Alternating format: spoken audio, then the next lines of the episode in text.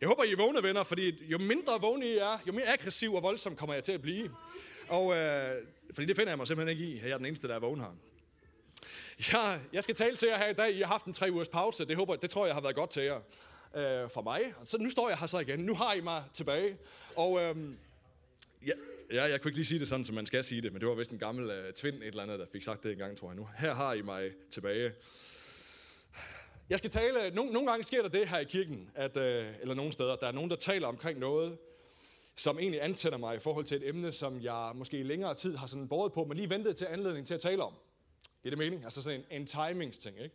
Og det skete faktisk i den her uge. Jeg har oplevet det før også, øh, at når nogen, som måske bare skal prædike en enkelt søndag, de, de, de berører et emne, som jeg har gået og bagt på et stykke tid, men ikke lige helt vidst, hvornår skal jeg tale om det, hvornår er timingen til det.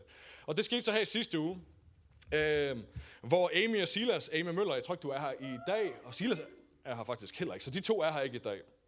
Lad være med at give dem et klap på skulderen. Men øh, de prædikede i sidste uge, og det gjorde de virkelig, virkelig, virkelig godt. Vi kaldte det, det var to young guns, der talte, og, øh, og de var virkelig, virkelig gode. Og de talte et budskab, der hed Spir, hvor du er plantet. Hvor mange hørte det i sidste uge? Ja, hvor mange har måske hørt det på podcasten bagefter? Man kan jo godt have gjort begge dele. Den er der faktisk ret mange, der lytter til. Uh, men de talte omkring i sidste uge, og det var et meget modent budskab af nogle unge mennesker. Det synes jeg var totalt fedt. Jeg tror, uanset uh, hvilken sådan aldersgruppe man måtte have været i sidste søndag, så var der noget at komme efter i det, de sagde. Det synes jeg er forrygende. Bare lige et kort øh, sådan, uh, recap, altså en genbesøgelse af deres væsentlige pointer, fordi det hænger sammen med det, jeg skal tale om her i dag.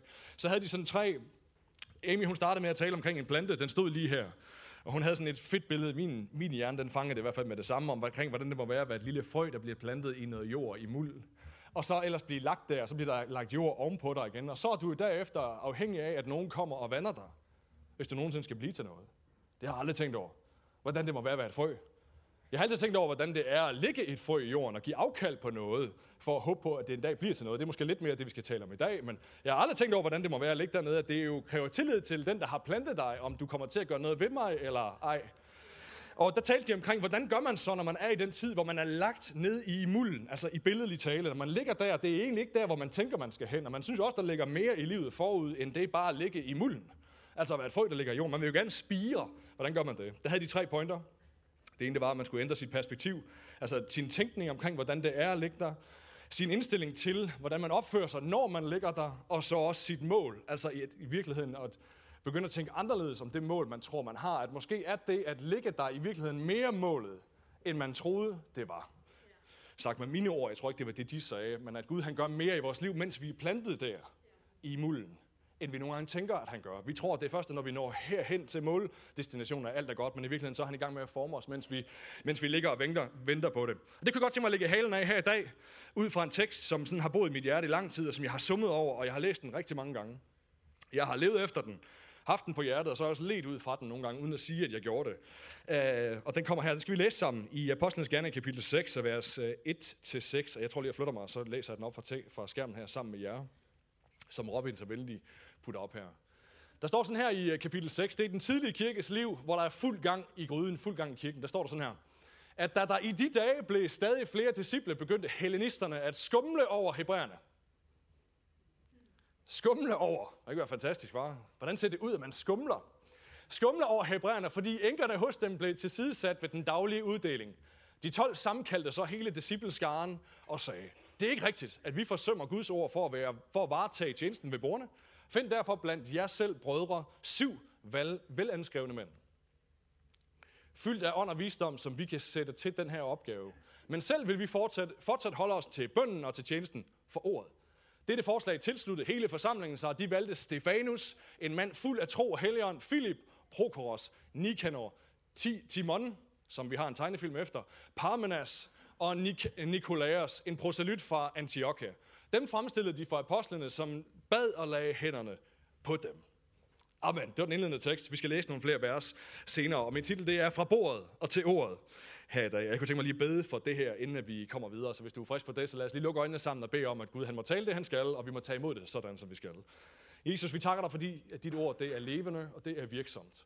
Og som vi sidder her en helt almindelig søndag, uanset hvordan vores liv ellers måtte være, så kan de her få vers, og det vi også skal læse senere, og det jeg så vil tale ud fra det. Det kan være med til at forandre vores liv. Og det beder jeg dig om, at det må gøre for nogle af os her i dag. Jeg beder dig om, at som de talte i sidste uge, ændre perspektiv, at det måske her i dag også. Også vores indstilling til den tid, vi lever i, og det, som vi har med at gøre. Det takker dig for. Tak, at du forventer vores ændre. Tak, at vores attitude og vores tænkning omkring, hvor vi er i livet, må forandre sig på baggrund af det, vi skal tale om her i dag. I Jesu navn. Amen. Derhjemme, der har jeg, jeg fik jo sagt det tidligere, der har jeg fire piger, og, øh, og så har jeg en hustru også, som jeg har de fire piger sammen med. Og øh, mere end en gang har jeg oplevet det her, men i sidste uge oplevede jeg det, det her for nylig. Jeg har gået sådan og tænkt over det siden i forbindelse med det, jeg skulle tale om her i dag, at vi havde spist aftensmad, og så var der en af de her piger, jeg skal nok lade være med at nævne navn for hendes egen skyld, men det er en af dem, der er god til at tale.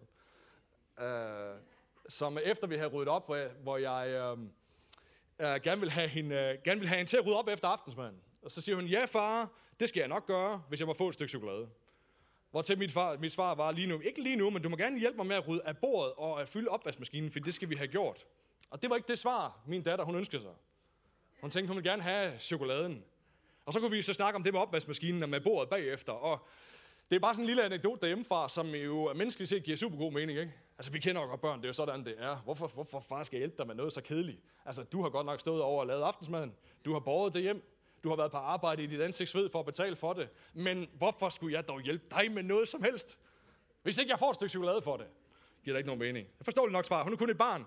Men det hun ved, ikke vidste den dag, det var, at det der skete lige det øjeblik, da hun svarede mig, det var, at det der stykke chokolade, det fløj lige direkte ud af vinduet. Eller jeg var selv spist det senere på aftenen i stedet for. Fordi hun ville handle med mig. Det, der skete i det der øjeblik, da hun sagde det, hun er gammel nok til, at jeg tænkte, det, det svar kunne godt have siddet anderledes. Så da hun sagde det til mig, så, så forsvandt nærmest alt lyst til rent faktisk bare at være generøs, eller bare træde lidt ud over vores kridtstreger derhjemme i forhold til, hvad vi ellers spiser på en hverdag. Det forsvandt fuldstændig, da jeg fik det der svar fra hende. Jeg tror, der er nogle forældre hende, der sidder og tænker, jeg kender det så 100% godt. Havde hun nu sagt til mig, okay far, det, det gør jeg gerne, uden at sige mere, og så bare ladet belønningen være op til mig, hvor jeg slet ikke kunne mærke på hende, at hun havde tænkt sig at gå op i, er der noget i den anden ende? Det der chokolade, skal vi snakke om det nogensinde igen, eller hvad det vil være? Så havde hun helt sikkert fået mere end et stykke chokolade den dag. Det er jeg sikker på. Jeg er overbevist om, havde jeg hørt det, jeg har nemlig prøvet det et par gange, det er ikke så ofte, men jeg, jeg, jeg har oplevet den slags en respons et par gange, hvor det bare er ud af ren, jeg vil gerne hjælpe dig, far. Jo, selvfølgelig vil jeg gerne gøre det. Jeg så rasler det af med chokolade og alt muligt andet bagefter. Fordi man bare har fået lyst til at give dem. Får man lyst til at gøre noget godt for dem. Ha, der er nogen, der kender det. Fordi hendes far ville være så glad for hendes uselviske hjælp, at jeg fik lyst til at give hende noget. Og det her, det sker hele tiden i vores liv. Alle sammen i vores liv.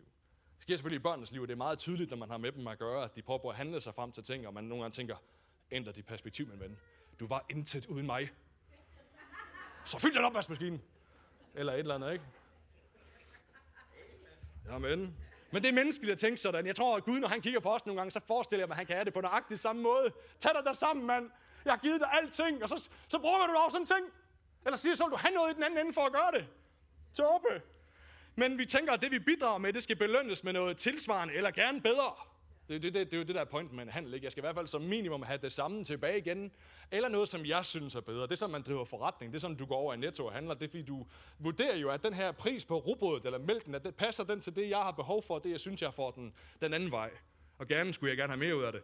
Og det er vi så vant til at gøre, at gøre ting for os selv, for at vinde noget ved det. Vi gør det på alle mulige områder. Vi hjælper folk for at få anerkendelse.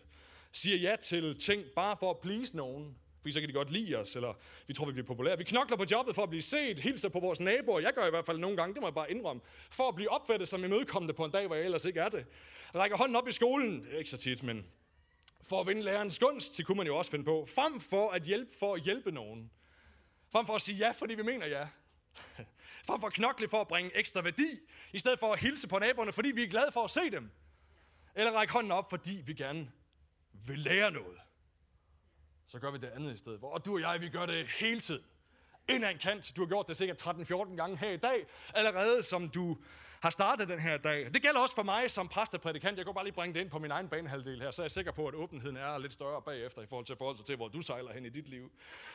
At jeg er kaldet til at prædike, det blev jeg for 15 år siden. Oplevede Gud talte til mig, og så fik jeg det bekræftet igennem mennesker. Det er jeg kaldet til at gøre. Men prædike handler, at prædike handler ikke om mig. Ja, jeg synes for det meste, det er sjovt. Men det handler ikke om mig. Det er en bonus for mig, hvis jeg synes, det er sjovt på dagen at gøre det. Men det handler om, at Gud gerne vil sige noget til nogle mennesker. Så det, og jeg er bare, i det her tilfælde bare mig, der er også andre, der gør det jo, men bare værktøjet imellem ham og de mennesker, han gerne vil tale til. Det er dybt, jeg er bare en, en trakt Et stykke jern, han blæser et eller andet igennem. Et værktøj, hans hænder ikke ret meget mere end det. Men bekendelse, jeg kan let få det her til at handle om mig. Jeg kan let gå ned bagefter, når jeg har talt her i dag, begynde at fiske efter, hvad I synes om det, jeg sagde. Og så begynde måske at tweake lidt til næste gang i forhold til nogle områder, jeg skal lade være med at tage, fordi det bliver man åbenbart upopulær på. Eller noget, jeg skal begynde at snakke om, fordi så bliver jeg mere populær bagefter. Det er også derfor, jeg nogle gange vælger at hæve stemmen og tale hurtigt. Det vil så ved, at jeg ikke bliver populær hos jer alle sammen. Det er gas. Det er bare fordi, det er sådan, jeg, sådan jeg er. Og selv, selv jeg kan komme til at gøre det på det her, eller ikke selv jeg, men jeg kan også komme til at gøre det på det her område, fordi vi gør det alle sammen, også som søde, gode, helhjertet. Vi elsker sangene Jesus efter følgere. Vi gør det alle sammen. Men Gud her i dag ønsker at udfordre os på det her. På vores hjertes indstilling. At vi gør, hvad vi gør ud af kærlighed til ham. Og ikke for, at naboen skal synes, at jeg er umødekommende. Ikke for, at du skal synes, at jeg er fantastisk. Ikke for, at min løn skulle blive højere. Ikke for, at min position skal blive bedre. Ikke for noget andet, men fordi han sagde og ønsker, at jeg skal gøre det. Ind i andre menneskers liv. At vi tjener ham, fordi vi elsker ham, og så elsker vi de mennesker, han elsker. Dem han ønsker at tale til. Aha. Ikke af surpligt, ikke ud af egen nytte. Og jeg tror ofte med Gud, han er ikke engang så optaget af, hvad det er i vores liv, vi gør. Men snarere, hvordan vi gør det, mens vi gør det. Så hvilket, hvad du begiver dig ud i dit liv. Vi kunne nogle gange i kirkesammenhæng kalde det en tjeneste, men det kunne også være dit arbejde. Det kunne være, hvor mange børn du gerne vil have, eller whatever. Jeg er ikke så sikker på, medmindre han har sagt noget andet til dig. Så er jeg ikke så sikker på, at Gud har så travlt med, hvad det er, vi gør. Men mere spejt efter, hvordan gør du det, mens du gør det? Det, som du gør. Hvad er dit hjerte? Hvad er det, du leder efter? Hvad er det, du gerne vil have ud af det? Hvad er, er du gerne med at handle, eller giver du? til nogle andre mennesker. Gør du ligesom min datter, hun gjorde, at jeg vil kun hjælpe, hvis jeg får det der stykke chokolade på den anden side? Eller gør du det, som hendes far hjemme i huset ville have ønsket, hun havde gjort, bare hjulpet, og så skulle chokoladen nok komme i strid strømmen foran de andre børn, som så må se grædende til samtidig med, ikke?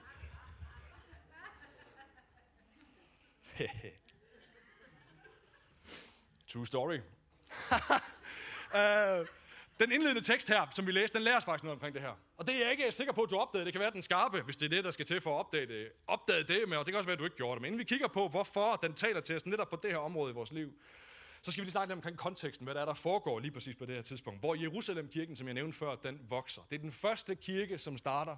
Det gør den med uh, Apostlenes Gerne i kapitel 1. Jesus har lige taget afsted. Han har lovet disciplene, at Helligånden skal komme, og når han kommer, så vil hans kraft komme over dem, så de kan være vidner over hele jorden. Og ligesom det sker, så træder Peter, som ellers lige har været en kujon tidligere i historien, har han været en kujon. Han turde ikke bekende, at han troede på Jesus. Han stiller sig, da Helligånden kommer over ham, op lige pludselig, og meget, meget, meget åbent bekender, at Herren, eller Jesus er Herren, at han er Kristus. Nogle bliver sure på ham, andre elsker ham. 3.000 mennesker kommer til tro, og nu er der så gået noget tid efter det, men kirken vokser. Den bliver større og større. Og det vi læser her er jo, at der er et maduddelingssystem. Det fangede I nok, ikke? At der bliver delt noget mad ud ved nogle borgere. Der er nogle hellister, der er trætte af, at de ikke får nok. Og så skal de finde en løsning på det. Og det var fordi, at man var for fuld på det tidspunkt som kristen i Jerusalem. Det skete fra starten af, hvor det er en fed historie. Masser kommer til at tro. Man tænker, wow, sikke en kirke. Du skal ikke ret langt hen, før du begynder at tænke, vil jeg turde være en del af den sikke en kirke? Fordi de bliver forfulgt af det. Det man heller ikke kan læse mellem linjerne er, at jøderne, altså dem, som blev kristne på det her tidspunkt, de kunne ikke handle med andre mennesker. De kunne ikke få lov at få arbejde. Det sker også i nogle lande i dag. Det øjeblik, du konverterer måske fra islam og til kristendom, så ryger du uden, uden for det, vi vil kalde arbejdsmarkedet. Du kan simpelthen ikke få arbejde bagefter. Hvad gør du så? Så kan du ikke tjene penge. Du kan ikke få lov at købe ned på torvet. Du kan ikke alle de her ting.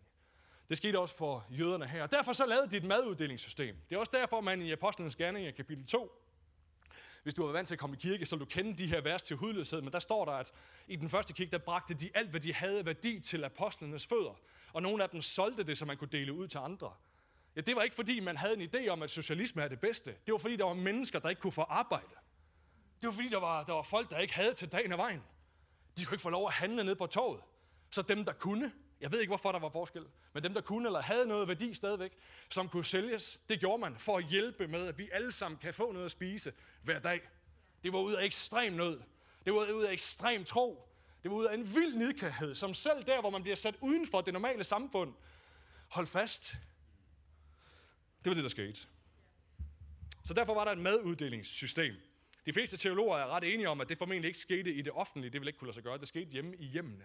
Så de her syv mænd i det her tilfælde, som bliver får den her opgave, og dem, der havde den før, det var så apostlene, har formentlig besøgt en ekstrem masse hjem. Else Marie, du har lige været i Pakistan. Jeg har været i Pakistan for et par år siden. Der besøger præster hjemmene ind ad en kant næsten hver dag. Måske minder det lidt om det. Man gik rundt og havde mad med, havde slippet det med i, hvad de nu havde, og gemte det i, og så besøgte man hjem og delte mad ud til dem, der ikke kunne få lov at arbejde i, derfor ikke kunne handle ned på torvet. Det var i templet, og det var derhjemme. Det er det, vi læser om, at var rytmet i den første kirke, det vi snakker om mange gange før. Og apostlene var så angiveligt i spidsen for det her system. Måske var det dem, der havde startet det. Måske var det dem, der tænkte, det er den måde, vi kan være med til at afhjælpe udfordringen ved at være en troende, en efterfølger af Jesus. Og de vurderer så her på det her tidspunkt, hvor vi kommer ind i teksten, at de ikke bruger deres tid rigtigt. Der står, at de skulle væk fra bordet, og så skulle de fokusere på ordet. De skulle væk fra de der borde af. De siger, at det er ikke rigtigt, at vi bruger vores tid på at servere mad på bordene, fordi det, vi er underforstået kaldet til at gøre, det er at fokusere på bønden og på ordet. Jeg vil tillade mig i dag at, hvad hedder sådan, at omskrive det til, at de havde brug for at lede. De skulle lede frem for at gøre. I stedet for at være dem, der førte maden hen på bordet, så skulle de begynde at lede den kirke der, i stedet for. På en eller anden måde, så var det her arbejde nået til en størrelse, hvor det gjorde det til en udfordring for dem. Og det de jo derfor gør, det er det, som Paulus taler om senere. De begynder at udleve det, som han senere vil tale om, som han kaldte et lame. At kirken, Guds kirke, hans krop her på jorden, er et læme med forskellige funktioner, som alle sammen ikke skal det samme, men som hører sammen. Har forskellige opgaver i den samlede store opgave. Vi talte om Nehemias' bog for nogle måneder siden, halvanden måned siden nu.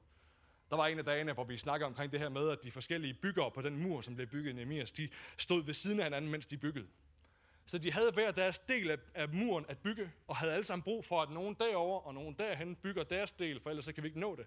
Men de bygger ikke alle sammen hele muren. Men de gjorde det sammen. De stod skulder til skulder. Det er det, vi ser, der sker her. Apostlene de tænker, hey, hvis, hvis det her skal fortsætte, og hvis væksten skal fortsætte, og hvis sundhed i øvrigt skal fortsætte, så er vi nødt til at skal have den her opgave væk fra os af. Det er godt. Det er ikke godt, at vi gør det. Nogle andre skal fokusere på borgerne, mens apostlene ledte kirken fremad. Og derfor så giver de så menigheden mandat til at vælge syv personer. De siger sådan her, at de skal være velanskrevne mænd, fulde af ånd og fulde af visdom. Det er kravene. Go. Find nogen. Kom og præsentere dem for os, når I har fundet dem, I tænker, der kan gøre det. Dem, som I har tillid til. Og så skal vi bede for jer. Så står der så, at menigheden de vælger der de syv, som opfylder, det må vi jo tro, opfylder kriterierne. Og så står der, at apostlene de beder for dem, de velsigner dem, og de gør det, vi vil kalde, de indsætter dem til tjeneste. De siger, nu er den her del af kirkens liv, den leder I, den står I for. Lægger deres hænder på dem, velsigner dem til at gøre den opgave. Og der er helt vildt meget i den her tekst, bare de her få vers, man kunne dykke ned i, i de her sætninger. Man kunne snakke omkring ledelsessyn, det hører nok til på en anden dag end i dag. Kirkeforståelse og alt muligt andet. Jeg kunne godt tænke mig i dag at fokusere på tjenersind og frugten af tjenersind. Ud fra det her. Så kan vi overveje, om vi skal bruge den igen en anden dag med en anden vinkel på. Fordi versen, versen her, det giver os nogle meget, meget få i virkeligheden detaljer, og ingen omkring, hvilke samtaler, der foregår imellem de her mennesker, som de bliver ledt til den her opgave. Altså de her syv, som bliver ledt dertil. Men det vi alligevel fornemmer, det er, at de syv mænd, de bliver udvalgt til en tjeneste, som de så valgte at gå ind i. Okay? Så nogle andre pegede på dem og siger, det vil vi gerne have jer til. Apostlene sagde til kirken, find nogen og få dem til. Og så fandt de nogen, og så fik de dem til. Og jeg kender ikke kulturen indgående. Jeg levede ikke for 2000 år siden. Jeg ved ikke, hvordan magtdynamikkerne var. MeToo var jeg ikke opfundet endnu. Jeg tror ikke, man bekymrer sig for ekstrabladets reaktion dag efter endnu. Men jeg kunne godt forestille mig, at deres valg ikke var så stort, som de det mit ofte er. Hvor de lige hjem skulle mærke efter, kan min familie holde til det? Kan jeg holde til det? Er der plads i kalenderen til at gøre det? Det er jeg ikke sikker på, havde været en del af deres. Jeg tror, det var nærmere, der er et behov her. Og der er nogen, der siger, at det er vi kaldet til at gøre. Det kommer op for de der apostle Det tror jeg lige, at vi gør. Det er ikke særlig i dansk. Er det ikke rigtigt? Der er sikkert nogen, der allerede sidder og tænker, det kan da ikke være Bibelen. Det må være din holdning, det der, Silas. Det tror jeg ikke, det er. Jeg tror, at det var sådan, at det var. Vi hører ingenting om deres egen ønske eller lyst. Indtil sted står der, at de foretog en eller anden cost-benefit-analyse af, for jeg chokolade på den anden side af det her, af hvilken værdi de selv vil opnå igennem det. Det står der absolut intet om. At der skete, vi ved blot, at de accepterede det åbenbart, og så gik de ind i opgaven. Jeg ved ikke, om du kan forestille dig det er en dansk og vestlig sammenhæng, at en leder vurderer, at de ikke selv skal fokusere kræfterne på de vigtigste opgaver, og siger, du kan lige tage den der i stedet for. Ja, i praksis så gør vi det jo på alle vores virksomheder, ikke? Men hvis man nu kom med den der baggrund, hvis man nu havde læst mellemregningerne, så tror jeg godt, en, en vesterlænding, der er ret opmærksom på sine egne rettigheder og dygtigheder, kunne blive lidt provokeret over at høre, at det var det, der var mellemregningerne. Nå, så jeg skal bare gøre det, du ikke selv vil. Skal jeg bare gøre det, synes du? Så du er bedre end mig? Eller hvad for nogle tanker vi nu kunne have. Jeg er ved med, at der er nogen af jer, der sidder og har dem. Lige nu. Og jeg har det så godt med, at I sidder og har dem. Det sker jo over det hele. Der er noget, der provokerer os her, tror jeg. Og endnu værre bliver det jo i det, de måske ikke engang selv bestemmer. Vi ved det jo ikke, men måske ikke helt selv bestemmer, om jeg tager den opgave, eller om den bliver givet mig. Givet til dem i stedet for. Det er jo fuldstændig forrygt. Det er jo magtmisbrug, ikke? Det er jo det, vi hører om i medierne hele tiden. Det må man jo ikke. Tænk, hvis de skulle føle sig brugt. Ja, du har vel stået til mange gudstjenester, har du ikke det ligesom mig og sagt, Gud, brug mig. Jeg har i hvert fald gjort det. Men jeg har også oplevet bagefter at stå og tænke, jeg føler mig brugt. Og kan jeg vide, om Gud nogle gange kunne finde på at sige, jamen det var da det, du sagde, du gerne ville. Sagde du ikke, at du gerne ville have, at jeg skulle bruge dig? Og nu gør jeg det. Jamen det er træls. Jamen det er det nogle gange. Det er da også træls at være ham, og tror, jeg skal ramme et søm. Der er også dage, jeg ikke gider at stå her. Men Gud har sagt, at jeg skal gøre det. Der er mange kirker i moderne tid, der er blevet slagtet i medierne for at bruge mennesker mindre end det der ud i medierne. Får ødelagt deres økonomi, får ødelagt deres organisation og deres gode navn. Alt det, som Gud går igennem dem. For mindre, for mindre krav end det, vi ser, udspiller sig her. Hvorfor sker det så ikke her? Ja, måske fordi de var velanskrevne. Ja, det var nogle mennesker, der allerede havde bevist sig selv, om du vil, ind i fællesskabet. Måske ikke som sådan, at vi kan klare det, eller vi er vildt dygtige, men folk havde tillid og tiltro til dem. Der var noget ved deres liv, de allerede havde, havde set. Og så står der, at de var fyldt med ånd og med visdom. Altså med andre ord, de var fuldt ud investeret i kirken, i folket. Og det Gud, han var i gang med at gøre. Og jeg tror, det er det billede, vi skal se. Der var nogle mennesker her, der var fuldstændig all in på det, som Gud han gjorde. Fortabt ind i det. Forelsket i det. Totalt investeret ind i det. Koste, hvad det så koste vil. Og derfor, da de bliver præsenteret for en opgave, som måske, måske ikke er deres yndlingsopgave, kunne det være, de tog den. Fordi de sagde, det, det handler jo ikke om mig. Det er ham, der gerne vil sige noget til nogle mennesker. I det her tilfælde vil han gerne give dem mad til nogle mennesker. Og de mennesker, de er der. Og hvad er jeg? Jeg er bare hænderne, der tager imod det. Lidt ligesom i det her tilfælde i dag. Gud vil gerne sige noget til dig. Og hvad er jeg så? Jeg er ham, der siger det. Det er ikke så vigtigt igen. Det vigtige er at gøre det, han siger, og at mennesker får lov at få frugten af det, han gerne vil gøre. Så vi ved ikke, hvad vi tænkte, men vi kan læse, hvad der skete lige her bagefter. Apostlenes Gerninger, kapitel 6, vers 7, det er verset lige efter, der står sådan her. At Guds ord havde fremgang, og tallet på disciple i Jerusalem blev større og større, og også en stor gruppe præster blev lydige imod troen. Det er altid en god sætning, den sidste, ikke? Tænk så, hvis præster også har tro. Så kan vi starte et sted. Guds ord havde fremgang, og tallet på disciple i Jerusalem blev større og større. Så den umiddelbare efterfølgende virkning er, at kirken vokser, og det fortsætter den med, og den har fremgang. Og lægemet kunne nu nå flere, tror jeg, at den kunne gøre mere, end den kunne før, fordi apostlen ikke længere var flaskehalse. Jens Erik Høj Pedersen, som ledte nadveren her for, han er efterskoleforstander. Hvis Jens Erik gjorde for mange, jeg, jeg, jeg håber det er okay, jeg citerer dig. Jens Erik har nogle gange sagt, jeg praktiserer dogenskab med vilje. Fordi det er en måde at, det er sådan cirka som du siger det, ikke? Det er en måde at holde mig væk fra nogle opgaver, som ikke skal lande hos mig. Så vælger jeg lige at være doven og se bort fra, at det skal gøres, og få nogle andre til at gøre det i stedet for. Så hvis ikke han gjorde det, så blev han jo en flaskehals ude på efterskolen. Så der er brug for, at nogle andre mennesker kommer ind bagved, i det her tilfælde på efterskolen, for at få det til at lykkes. Så de sociale medier spiller, så vagtplanen bliver lagt, så der bliver lavet mad, så der bliver fejret, der bliver gjort rent, så de får noget medicin, dem der skal have det. Så der bliver undervist på, på, i klasselokalet, og hvad der nu ellers skal gøre, det kan et menneske ikke gøre, det har man brug for mange mennesker til at gøre. Det ved vi alle sammen godt. Og endnu mere interessant er det, når vi så ser de næste vers her, i næste afsnit, altså det næste vers, altså i vers 8, hvor der i min danske bibel, der bliver der skiftet afsnit. I kender det. Så kommer der sådan en lille overskrift. Og så er det som om, man går fra en del til den næste. Det sker lige her, når vi går ind i vers 8, som vi skal læse her. At fuld af noget af kraft, der gjorde Stefanus store under og tegn blandt folket. Fuld af noget af kraft, der gjorde Stefanus store tegn og under blandt folket. I 92 udgaven, der er det her altså det første sætning, vi overhovedet læser lige efter det der afsnit er skiftet. Det synes jeg er en spændende overgang i forhold til det, vi lige læste, fordi Stefanus, hvem var det nu lige, han var? De taler om ham, som om vi alle sammen kender ham. Så kommer hans navn lige ind til at starte med. Som om vi burde vide, hvem han er. Og ja, bevares, jeg ved godt, mange af os, vi har læst vores Bibel mange gange, så vi kender godt historien.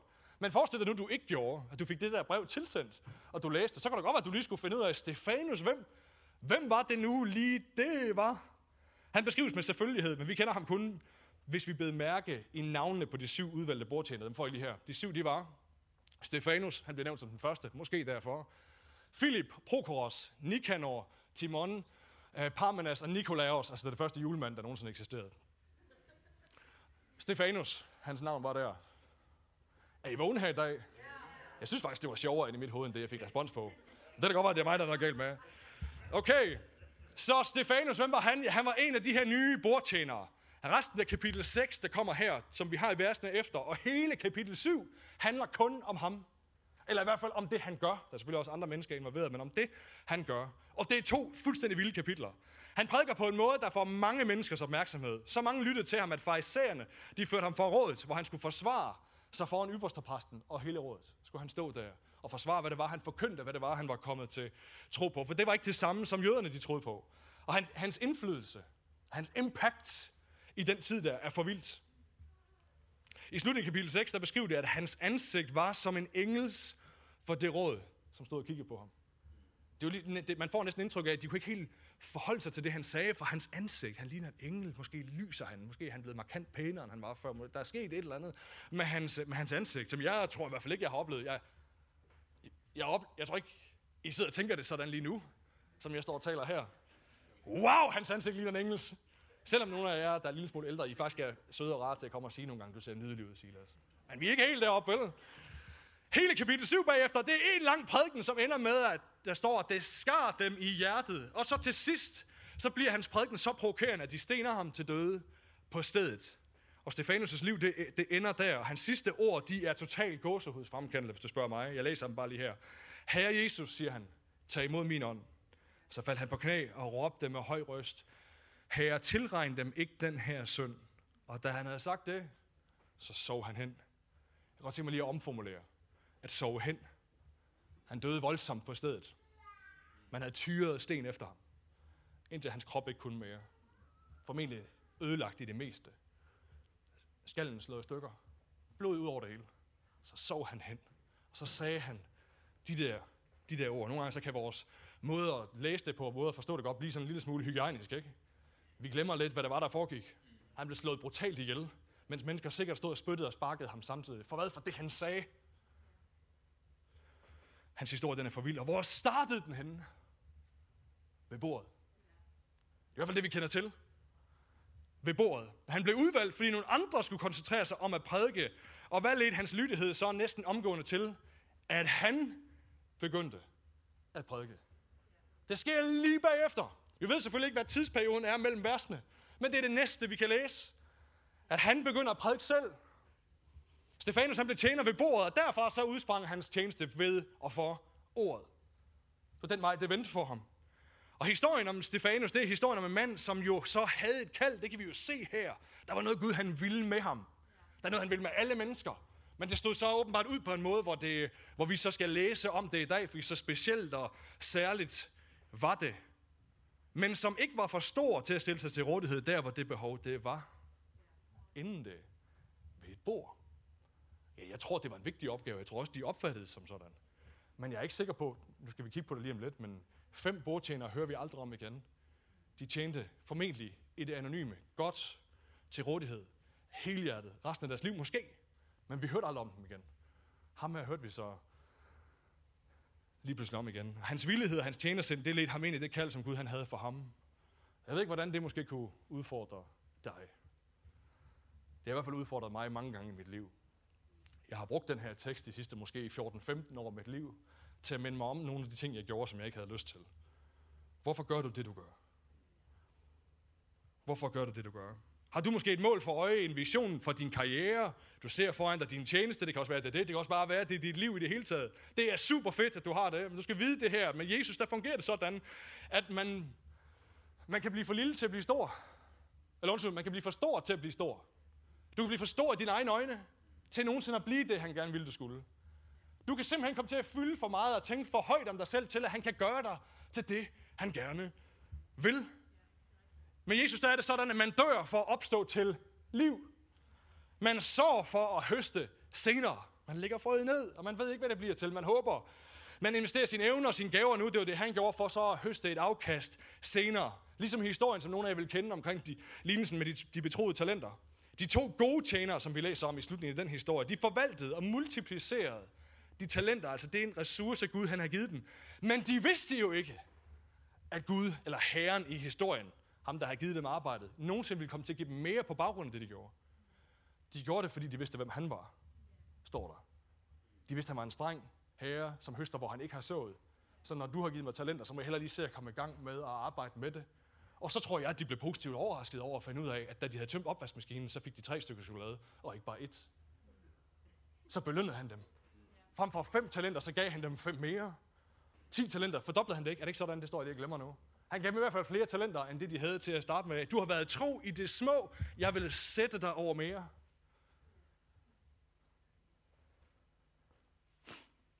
Stik modsat vores menneskelige øh, sådan natur, der ønsker at handle og have garantier for, jamen, altså, har jeg nogen forsikring om, at der sker noget i den anden ende af det her arbejde, jeg laver?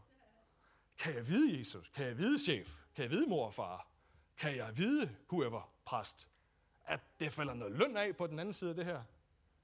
Nej. Jo, det kan du. Men det er ikke derfor, man skal gøre det.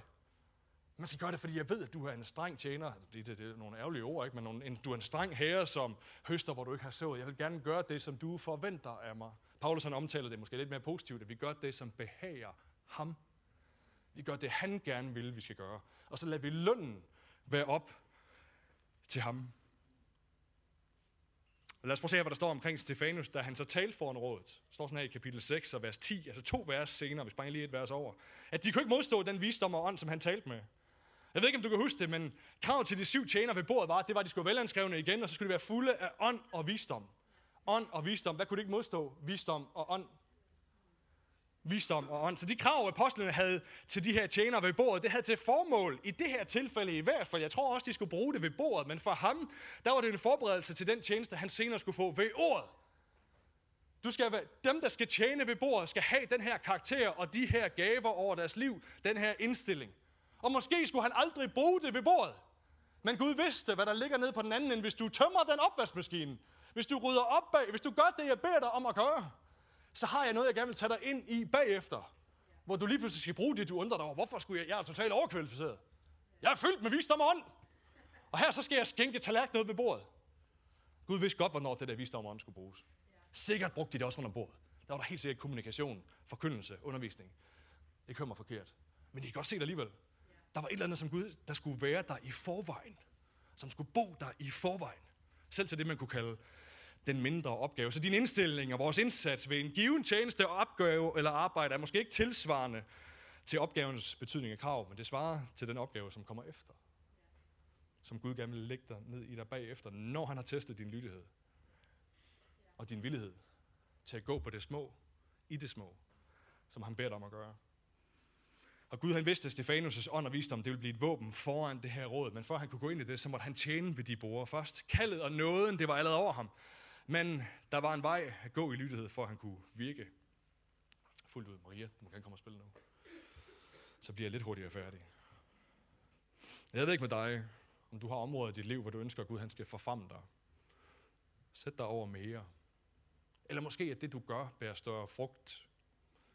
Udvid det. Jeg er ret sikker på, at det er det, Gud også gerne vil gøre i vores liv.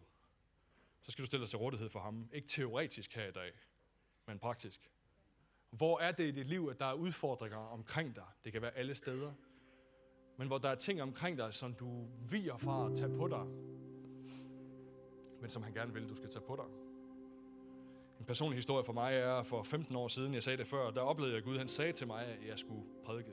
Jeg vidste så ikke, at jeg skulle være præst. I første omgang, det hørte jeg ham bare sige, at du skal, du skal forkynde evangeliet. Det gjorde han igennem et menneske, jeg så tale på en scene. Nogle af jer har hørt mig sige det før, så jeg gør det kort her i dag, selvom det ikke er alle. Jeg sad til en stor, en stor, en stor møde som det her, lyttede til en mand, der prædikede, og så hørte jeg Guds stemme tale til mig og sagde, det der han gør, det skal du gøre. Det blev bekræftet senere på ugen igennem et profetisk ord, så hvor Gud taler igennem et andet menneske til mig. Så begyndte jeg så bagefter at opsøge den her mand, for jeg tænkte, der er noget med ham, jeg skal følge efter. Så jeg flyttede derhen, hvor han boede. Det var på Sjælland. Jeg var en del af hans kirke i fem år. Jeg var der ikke ret lang tid, før han en dag kom og sagde til mig, så øh, jeg kan forstå, at du har et kald til at prædike. Jeg stod og tænkte, ja, det har du sådan set også selv sagt, det jeg har. Jeg kan forstå, at du har kaldt til at prædike. Ja, det har jeg også. Jeg havde alle mulige idéer til, hvordan det skulle begynde at ske, og hvordan, hvad for nogle scener jeg skulle op og stå på. Og så sagde han, der er aldrig nogen, der kommer til at sætte dig op på nogen platform, før du har bygget ind for nogle andre. Og der er altid en platform til dig nede på Google, så jeg kommer afsted. Okay. Så Jonathan og jeg, vi kendte en lang tid, Jonathan, der det lovsang her. Vi begyndte at gå på gaden. Jeg tænkte, så må vi jo lave en platform. Vi var vildt dårlige til det. Det gik virkelig ikke særlig godt. Men vi gik ned på gaden og talte med mennesker det bedste, vi kunne, og, og det dårligste, vi kunne. Og Gik derned og snakkede med dem, ikke? Og så begyndte jeg at hjælpe den her mand og den organisation, som var omkring ham, med at sætte scener op, og med at sætte lyd op, og med at lave sådan nogle ting som det her. Hælde vand på nogle folk, øh, køre prædikanter frem og til. Jeg gjorde bare alt, hvad der skulle til, fordi han havde sagt til mig, at der kommer aldrig til at være nogen, som bygger en platform for dig, før du har bygget nogen andres selv. Hvad sagde han til mig der? Tjen med bordet. Det er ikke det, du har lyst til. Det er ikke det, du synes, du føler dig kaldet til. Du føler også lidt for god til det. Du har allerede igennem profetiske ord, de kommer endda fra Gud af, så har de gjort det ved dig, at dit syn på dig selv bliver for stort. Det er næsten sådan tragikomisk, ikke? At man kan få profetiske ord fra Gud af, og så begynder man at tænke stort om sig selv bagefter. Det gjorde jeg. Og det han sagde der til mig, var en af de største gaver, tror jeg, jeg har fået i mit liv. Jeg vil våge påstå, hvis ikke jeg havde taget fem år derefter, og bare knoklet min bagdel i laser, for at ting skulle lykkes. Så det var ikke de ting, jeg synes var fede. Slet ikke. Jeg tror ikke, hvis jeg havde gjort det, jamen nu er det ikke, fordi det er lønnen i sig selv at stå her, men jeg tror ikke, jeg havde haft mulighed for. Jeg tror ikke, at vejen, Gud havde åbnet vejen til, at nogen af jer ville sidde her og lytte til, hvad jeg siger i dag. Det tror jeg simpelthen ikke på. Så skulle han i hvert fald have ført mig et andet sted hen, hvor det samme kunne ske en gang til. Hvad lærte jeg der? Ja, jeg lærte noget lydighed, underordnelse, dø fra dig selv, så jeg kan få lov på et tidspunkt at rejse dig selv op igen, hvis jeg vil. Gør det på et eller andet tidspunkt. Det er da godt, at jeg har talt til dig, eller du har store tanker omkring dig selv. Kan du gøre det små derovre først? Kan du, kan du stille vandflasken til ham, der skal tale der først? Kan du gøre det? Er det svært for os danskere? Det er godt til os. Det er derfor, tror jeg, at jeg får lov til at gøre det, jeg gør i dag. Det er min historie. Stefan, det er Stefanus' historie, det er mange mennesker, tusinder, millioner af mennesker, også nogle herindes historie igennem livet, at Gud han arbejder sådan i vores liv, at vi skal ned, for vi kan få lov at komme op. Vi skal dø, for vi kan få lov til at leve. Der er ikke nogen opstandelse, uden at man dør først. Så frøet skal i jorden, for det kan få lov til at blomstre. Det skal ligge nede i det skjulte under jord, hvor ingen kan se det. For det får lov til at blive til noget, som man kan se. Derfor, René, skal du få lov til at opleve ting omkring dig, det blomstrer. Det tror jeg på. Fordi du har lagt dig selv i jorden mange gange. Jeg kender dig jo, så jeg, jeg kan jo ikke tale uden at vide noget. Jeg kan bare mærke det. At der er ting, som venter på at blomstre omkring dig.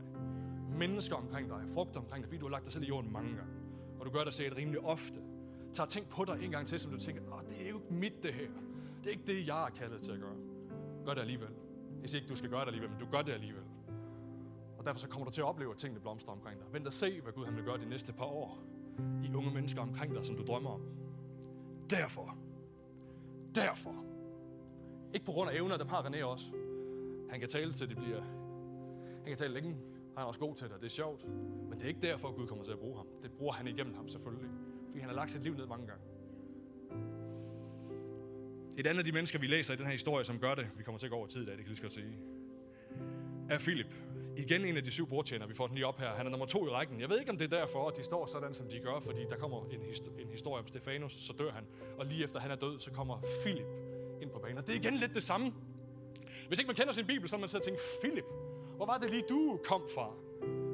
Ham læser vi så om i kapitel 8, altså lige efter Stefanus' død, så står der, at han rejste til Samaria. Og da han rejser til Samaria, så udbryder der forføl- eller det gør han, fordi der er udbrudt forfølgelse. Hårdere forfølgelse i Jerusalem, så kirken er nødt til at splittes. Lidt ligesom det vers, vi læste til at starte med, hvor Jesus han valgte en anden egen at være på, fordi derovre, der ville de gerne slå mig ihjel. Det gjorde de også her, så de flyttede sig. Og Philip han tog til Samaria. Og da han tager derned, så prædiker han, og en hel by hører ham og ser de mirakler, han gør. Der står, at mennesker bliver frelst, de bliver helbredt, de bliver sat fri fra dæmoner. I sådan en grad, at de troldmænd, en af de troldmænd, som var i byen, kommer hen til ham og spørger, kan jeg købe det der, du har? Kan jeg købe det, som du har? Sådan bruger, sådan bruger Gud ham. Og efter i den vækkelse, som det jo så er i Samaria, hvor masser af mennesker kommer til tro og møder Gud, der bliver han af ånden transporteret hen til en enkelt mand, en etiopisk hofmand, som sidder i en vogn og kører. En mand. Han bliver taget fra det der kæmpe store vækkelse og over til et menneske bagefter. Af ånden. Hvor mange har prøvet det? Du behøver ikke engang at svare. At blive taget ved ånden. Man ser det ud, forsvinder man bare. Og så dukker op et andet sted, transporteret ligesom i en Marvel-film. Eller jeg, jeg ved ikke, hvordan det ser ud, men det er vildt. Vi kan lov til at Igen et vildt liv og en vild tjeneste, som vi kan læse om i det ene kapitel. Udlevet af en mand, som var hvad? Tjener ved bordet. Som sagde ja til en opgave, som nogle andre skulle bevæge sig væk fra. Og hvad skete der så? Ja, så gav Gud ham den samme opgave, som dem, som skulle bevæge sig væk fra, havde. Så blev han tjener ved ordet på en ekstrem måde. Så meget, at de der selv samme apostle, de er nødt til at følge efter ham bagefter og bede for alle de mennesker, han har lidt til tro, og komme ned og være med til at sørge for, at der bliver dannet noget kirke omkring det. Så vild var han. I det, der sker. Kommer Peter ned bagefter og lægger hånden på dem, og de får Helligånden bagefter, står der. For både Stefanus og Philip, der galt det, at tjenesten ved bordet, det ledte til tjenesten ved ordet. De fik selv en tjeneste, fordi, eller den tjeneste, som apostlene havde, og som var selve årsagen til, at de blev indsat i første omgang. Og jeg siger bare til dig her i dag, hvis du gerne vil lykkes med det, som Gud han har for dig. Jeg har svært ved at komme i tanke om én ting, du kan gøre i dit liv, som vil have større betydning for, at du når derhen, hvor han gerne vil med dig. Og det mener jeg 120 procent af hele mit hjerte. Jeg kan ikke komme i tanke om én ting, som du kan gøre, som vil, som vil tage dig mere i retning af det Gud, han har for dig, end det der. Villig, ved, villig til at tjene ved bordene? Jeg er universitetsuddannet. Hvorfor skulle jeg komme med mand? Ja, derfor. Jamen, jeg er sindssygt dygtig tømrer, og så beder du mig om et eller andet. Who cares? Do it. Jamen, jeg er vanvittigt god til at tale. Vil du ikke have mig til det? Nej. Fordi du sagde nej forleden dag, da vi spurgte dig. Tro mig, det er ikke bare i kirkesammenhængen. Ude på arbejdspladserne, der fungerer det på samme måde. Vil du lægge dig ind i det, vi gør her? Vil du hjælpe? Vil du bringe værdi, uden at tænke på, hvor meget værdi du får tilbage igen? Af hele dit hjerte, fordi du forstår det, som vi er i gang med. På din arbejdsplads, hvad er det, vi gerne vil her sammen? Hvad er det for en værdi, vi skaber for nogle andre mennesker? Her, hvad er det, vi har gang i her? Vil du lægge dig ned i jorden med det, som du har? Du kan ikke gøre én ting, som kommer til at lede dig tættere på, eller tager dig længere hen imod det, som Gud han gerne vil med dig. Og det gælder for os alle sammen. Man bliver aldrig færdig med det. Det gælder også for mig. Uanset vores ønskede destination, så er vejen op, ned. Uanset hvor det er, du gerne vil hen, og hvilke områder det er i dit liv, så er vejen op, ned. Man kan også udtrykke det sådan her, hvis du er for stor til at tjene, så er du for lille til at lede. Man kan også sige det, hvis du er for stor til at tjene, så er du faktisk for lille til at tjene. Modsat, er du villig til, og det er jo de gode nyheder, venner, er du villig til at tjene og stille dig selv til rådighed? Har du forstået, at uden Jesus, så var du nothing, intet. Men fordi han kom og gav sit liv for dig og for mig, så kan du få lov til at få opstandelseskraft proppet ind i dit liv, og du kan få lov til at blive rejst op igen, og nu er det lige pludselig ikke det, du synes er det vigtigste længere, eller det fedeste her i jorden længere, eller det alle de andre synes, det er det, han siger. Og du skylder ham alligevel alting. Så uanset hvor meget vi synes, vi tjener ved bordene, så gør vi aldrig nok i forhold til, hvad han har gjort for os. Så er det der ikke længere jeg, der lever, men Kristus, som lever i mig. Nogle af jer venner, I skal gå hjem og tage nogle beslutninger efter den her, i her efter dag. Skal I? Jeg siger ikke, at I skal gøre det nu. I skal synge en sang sammen her bagefter, for lige at få lov. I må gerne komme op, venner. For lige at, at fordøje det her med en sang, hvis det kan gøre det. Nogle af jer skal hjem og overveje jeres indstilling, som de snakker om i sidste uge. Hvordan I tænker omkring det her. Hvor meget vil du gerne det der Gud, han har for dit liv?